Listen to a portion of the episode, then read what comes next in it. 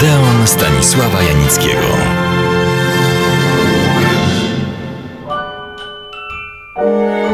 Swoisty tryptyk zacząłem znakomitym filmem Puszka Pandory.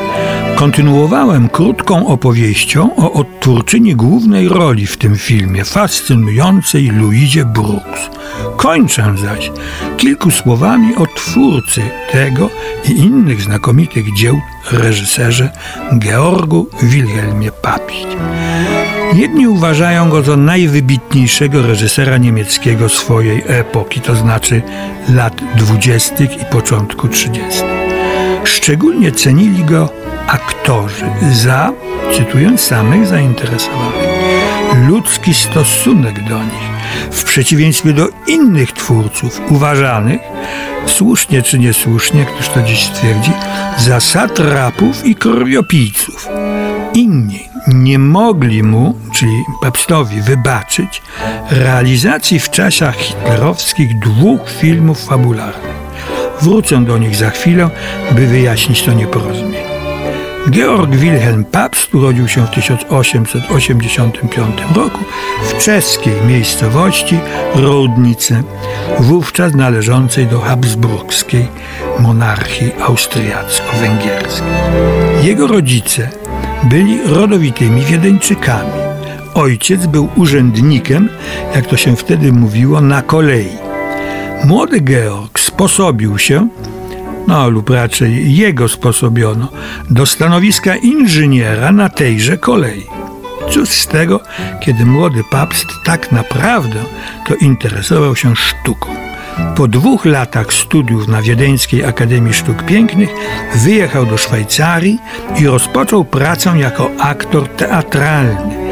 Wędrował wraz z różnymi trupami teatralnymi najpierw po Europie, a potem po Stanach Zjednoczonych. Dosyć wcześnie zajął się też reżyserią. Pierwsza wojna światowa zastała go w Europie. Kierował eksperymentalnym teatrem w Wiedniu, a wkrótce prestiżowym Burgtheater. Przeniósł się do Berlina, gdzie związał z filmem jako aktor, scenarzysta i asystent reżysera, najpopularniejszego wówczas Karla Frölicha. To jest Odeon Stanisława Janickiego w RMF Classic. Związki papsta z panującym na początku lat dwudziestych ekspresjonizmem wywarły na nim mocne i zauważalne piętno. Ale dosyć szybko, jak to się pisze, społeczne zacięcie, zmysł psychologicznej obserwacji, stylistyczna innowacyjność sprawiły, że papst stał się pionierem psychologicznego i społecznego realizmu w niemieckim kinie. Kierunek ten uzyskał miano nowej rzeczowości, Neue Sachlichkeit. Filmy tego kierunku podejmowały problemy tzw. Tak szarych ludzi i przedstawiały przygnębiające i trudne ich życie w czasie kryzysu wyższą artystyczną rangę nadał im właśnie Georg Wilhelm Pabst, takimi filmami jak Zatracona ulica 1925, w której wystąpiły obok siebie trzy gwiazdy wszechczasów Asta Nielsen, Greta Garbo i Marlena Dietrich. Pabst i na początku lat 30. stworzył następne wartościowe dzieła. Przede wszystkim Najeźdźców, Westfront, oskarżycielski film antywojenny, oryginalną adaptację brechtowskiej opery za trzy grosze, czy Braterstwo, Kameradschaft, ukazujące jak w skrajnych warunkach katastrofy górniczej rodzi się francusko-niemiecka solidarność robotnicza. Tego rodzaju filmy nie były w smak hitlerowcom, którzy wtedy dochodzili do władzy. Więc Pabst wyjechał najpierw do Francji.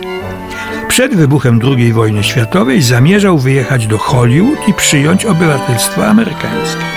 Nie uczynił jednak tego i wyjechał do Wiednia. Tu był świadkiem tzw. Tak Anschlussu, czyli przyłączenia przez Hitlera Austrii do Rzeszy Niemieckiej, co uniemożliwiło mu jakikolwiek manewr wyjazdowy. Słuchacie Odeonu Stanisława Janickiego w RMF Classic. W czasie wojny zrobił w Niemczech tylko dwa filmy, oba kostiumowe. Akcja pierwszego, komedianci, opowiada o konfliktach i dramatach środowiska teatralnego w XVIII wieku. Bohaterem drugiego był sławny alchemik Paracelsus. Po wojnie zarzucano papstowi współpracę z reżimem nazistowskim, choć filmy, które zrobił, w żaden sposób nie lansowały brunatnej ideologii i nie propagowały hitlerowskiego stylu życia. Chcąc jednak zamanifestować swój stosunek do nazizmu, zrealizował kilka filmów wyraźnie antyfaszystowskich, rozliczeniowych, innymi Proces, skierowany przeciwko antysemityzmowi, Ostatni akt, ostatni dzień Adolfa Hitlera, stało się 20 lipca o nieudanym zamachu na wodza Rzeszy, czy Róże dla Bettiny. Wyświetlane one były i na naszych ekranach, ale większego zainteresowania nie wzbudziły. Georg Wilhelm Pabst, mistrz kina z jego heroicznego okresu przełomu lat 20. i 30., zmarł w Wiedniu w roku 1967, ale jego klasyczne filmy wyświetlane są z wielkim powodzeniem po dziś dzień. Więc jeśli gdzieś się pojawią, zachęcam Państwa do ich obejrzenia.